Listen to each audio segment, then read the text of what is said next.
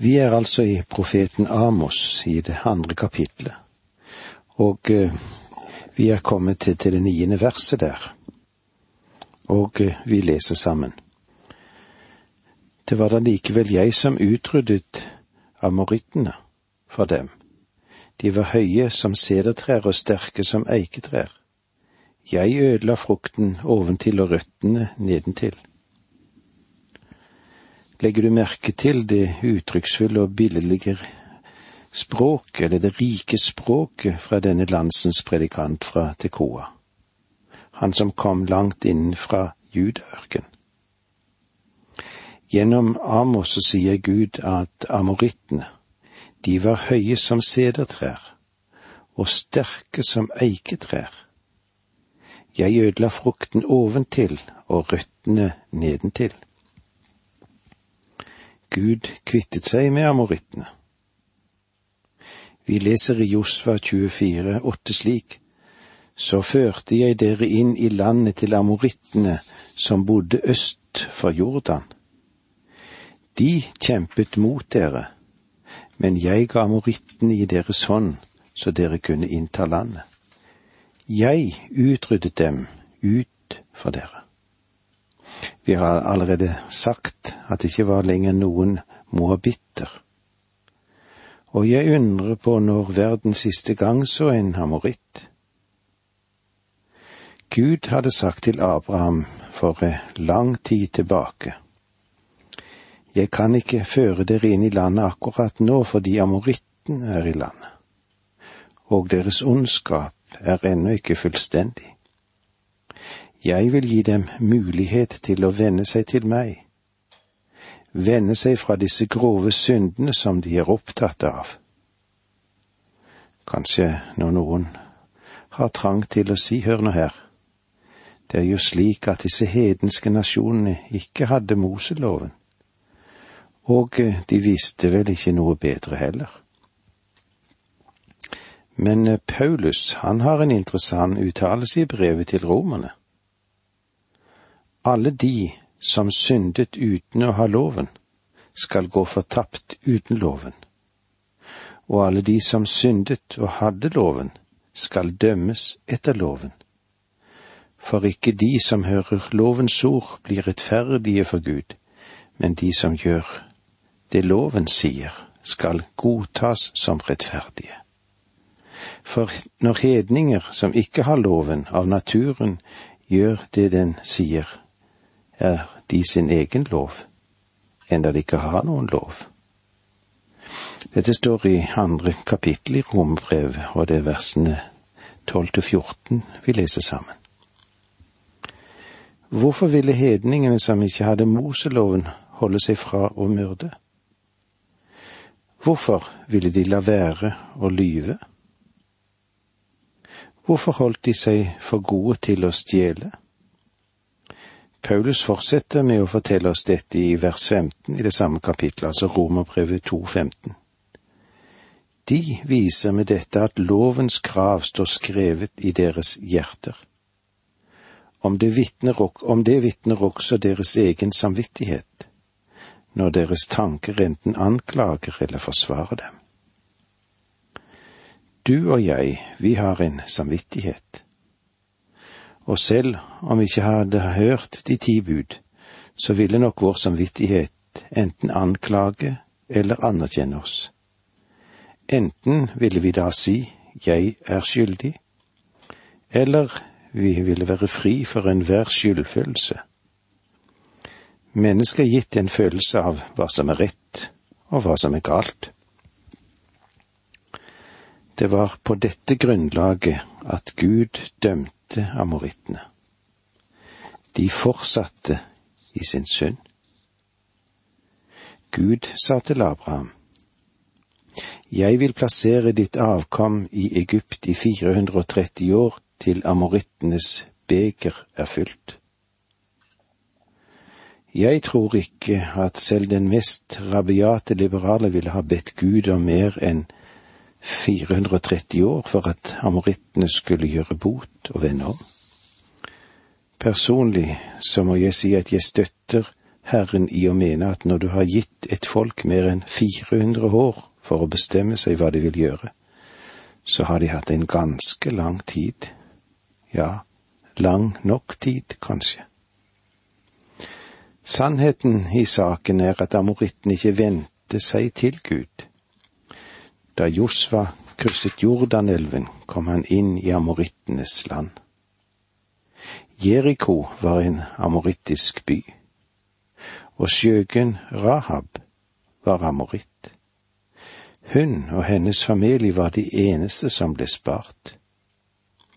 Moabittene forsvant, men moabittinnen Ruth hun møter du igjen i Jesu Kristi sin ettertavle.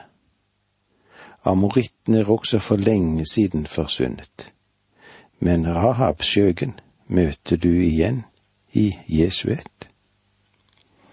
Gud sier til Israel, Jeg dømte amorittene for den samme synd som dere nå begår.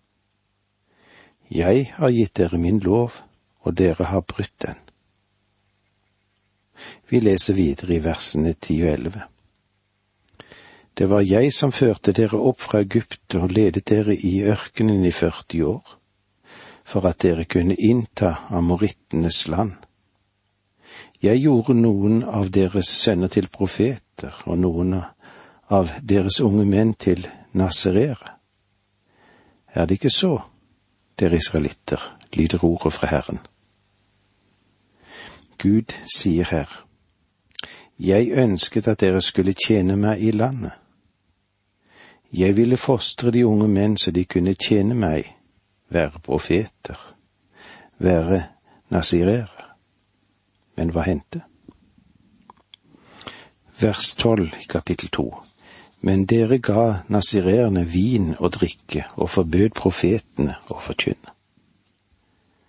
En nasirer var en israelitt som frivillig tok et løfte om å innvie seg til Gud. Det var tre ting en Nasserer ikke gjorde. Først så klippte han ikke håret sitt. Hvorfor? Fordi en mann å ha langt hår, sier Paulus, er en skam for ham. Skal vi se hva det står i første Korinterbrev 11,14. Lærer ikke naturen selv at det er en skam for en mann å ha langt hår. Og nazireerne lot håret vokse fordi de var villige til å bære skam. Det andre når det gjaldt nazireerne, var forbudet mot å drikke vin eller å røre vintreets frukt. De skulle verken ete druer eller rosiner. Israelittene fikk en nazirer til å bryte sitt løfte når han ga de vin. Nasirerene skulle heller ikke røre ved et dødt legeme, eller komme i nærheten av et slikt. Når derfor en av deres kjære døde, var nazireerne ikke med i deres begravelse. Dette ble gjort som et uttrykk for at han satte Gud først i sitt liv og dere forbød profetene å forkynne. Folket sa til profetene, Vi vil ikke høre dere. Vi vil ikke ha noe budskap fra Gud gjennom dere i det hele tatt. De nektet å lytte til Guds profeter. La meg få trekke frem en parallell til vår egen verdensdel. Vi følger det samme mønsteret som Rom fulgte da de gikk under. Rom ble ikke ødelagt fra utsiden, og det er ikke sikkert at vårt land heller blir ødelagt av kjernefysisk sprengladning. Det er mer sannsynlig at vi råtner innifra. Det går fortere utfor bakke enn vi liker å innrømme. Er det ikke slik? La oss tenke igjennom disse tingene til vi møtes igjen neste gang. Takk for nå, må Gud være med deg. Dette undervisningsprogrammet består av to deler. Åge Nevland fortsetter nå med andre del av dagens undervisning. Vi er i profeten Amos, i avslutningen av det andre kapitlet vi nå kommer til. men det er viktige sider som denne profeten har å meddele og si til oss. Og det er viktig at vi stopper opp for uh, dette profetiske budskap som han har å gi både til sin samtid, og kanskje vi kan se noe som òg er nyttig for vår, vår tid. Vi leser sammen i kapittel to versene ti til tolv. Det var jeg som førte dere opp fra Egypt og ledet dere i ørkenen i 40 år, for at dere kunne innta amorittenes land. Jeg gjorde noen av deres sønner til profeter og noen av deres unge menn til nasirere. Er det ikke så, dere israelitter, lyder ordet fra Herren. Men dere gav nazireerne vin og drikke og forbød profetene å forkynne. Skal vi sammenligne dette som var i Amosen tid, eller forhold til det som kom frem her, så er det to ting som drar folket vårt òg nedover. Og hva er det? Jo, det ene er drukkenskap, altså dette som har med vinen å gjøre. Alkoholen er i ferd med å få en sjokkerende innflytelse overalt og det griper inn i et uhyggelig stort antall mennesker, det. Det andre som karakteriserer oss i dag, er at vi ikke lytter til Guds ord. Vi vil gjerne ha noen gode ord, noen snille ord, noen trøsterike ord, men fremfor alt det som gjør oss godt. Men det er jo ikke nødvendigvis Guds ord, det. Det er forunderlig når fjernsynet for eksempel skal ha en teologisk kommentar, finner de noen av de mest utvannede teologer og spør de om de har noe å gi. Og det uroer jo ingen, det. Er det ikke slik det er? Det samme hendte i Israel.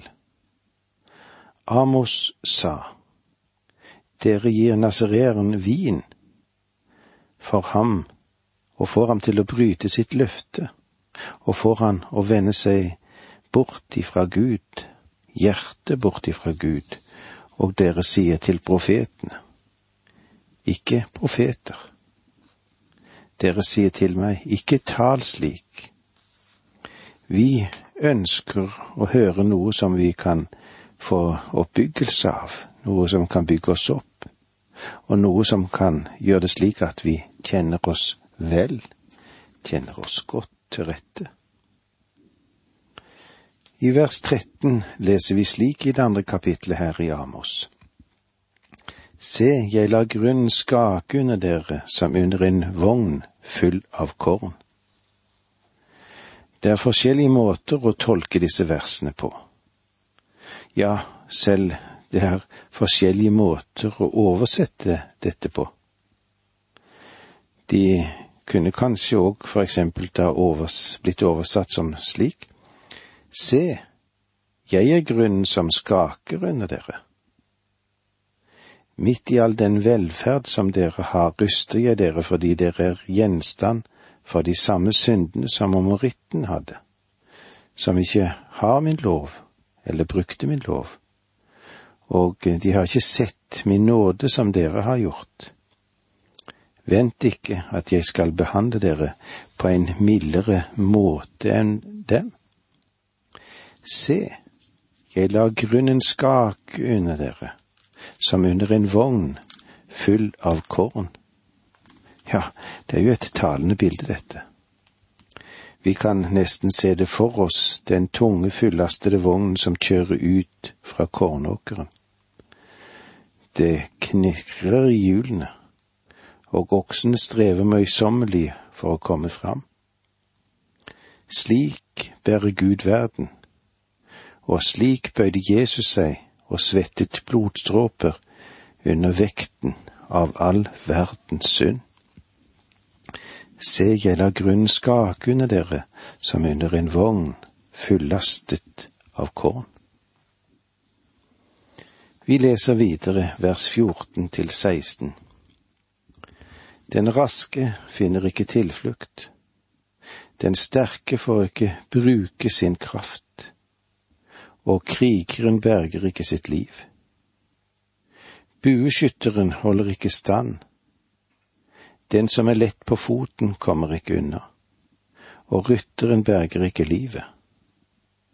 Den djerveste blant krigerne skal flykte naken den dagen, lyder ordet fra Herren. Det er de tolkere som mener at dette henviser til det jordskjelvet som ble nevnt i det første verset i Amos profeti. Men her er ikke noen henvisning til et jordskjelv i det hele tatt. Poenget er dette. Israel var en sterk nasjon. Gud hadde holdt fienden borte fra dem, og ingen hadde fått kommet innenfor deres landemerker. Nå brytes alt ned, selv bymurene. Fienden er kommet inn, og det sterke er ikke lenger så veldig sterk som han trodde det var. Slik er det når en bare regner med sin egen styrke, og en ikke regner med at det er Gud som bygger huset. Dette burde òg være en appell til vårt folk i vårt land. Vi må våkne opp i stedet for å lukke øynene for forholdene som utviklet seg på egne hjemlige trakter. Kanskje snart må vi gjøre oppmerksom på det faktum at Gud allerede har begynt å bøye vårt folk på samme måte som han bøyde sitt eget folk, de som hadde de stive nakkene. Gud sa til Israel, dere er blitt svake, og dere innser ikke at jeg allerede har begynt dommen over dere. Det var Amos sitt budskap og det er ikke rart at hans egne landsmenn ønsket å drive ham ut av byen. Det er ikke rart at de ikke ville høre det budskapet han hadde å bringe til dem. Og ennå er han ikke ferdig.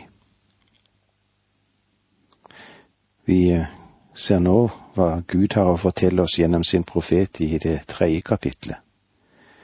Guds anklage mot hele Israels hus.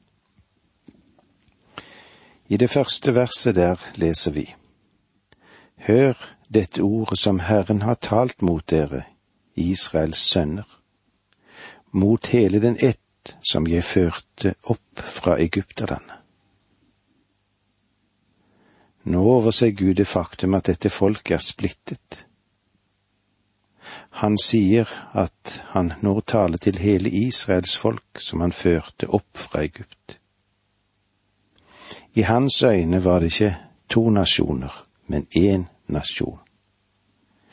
De tolv stammene er én familie for hans åsyn.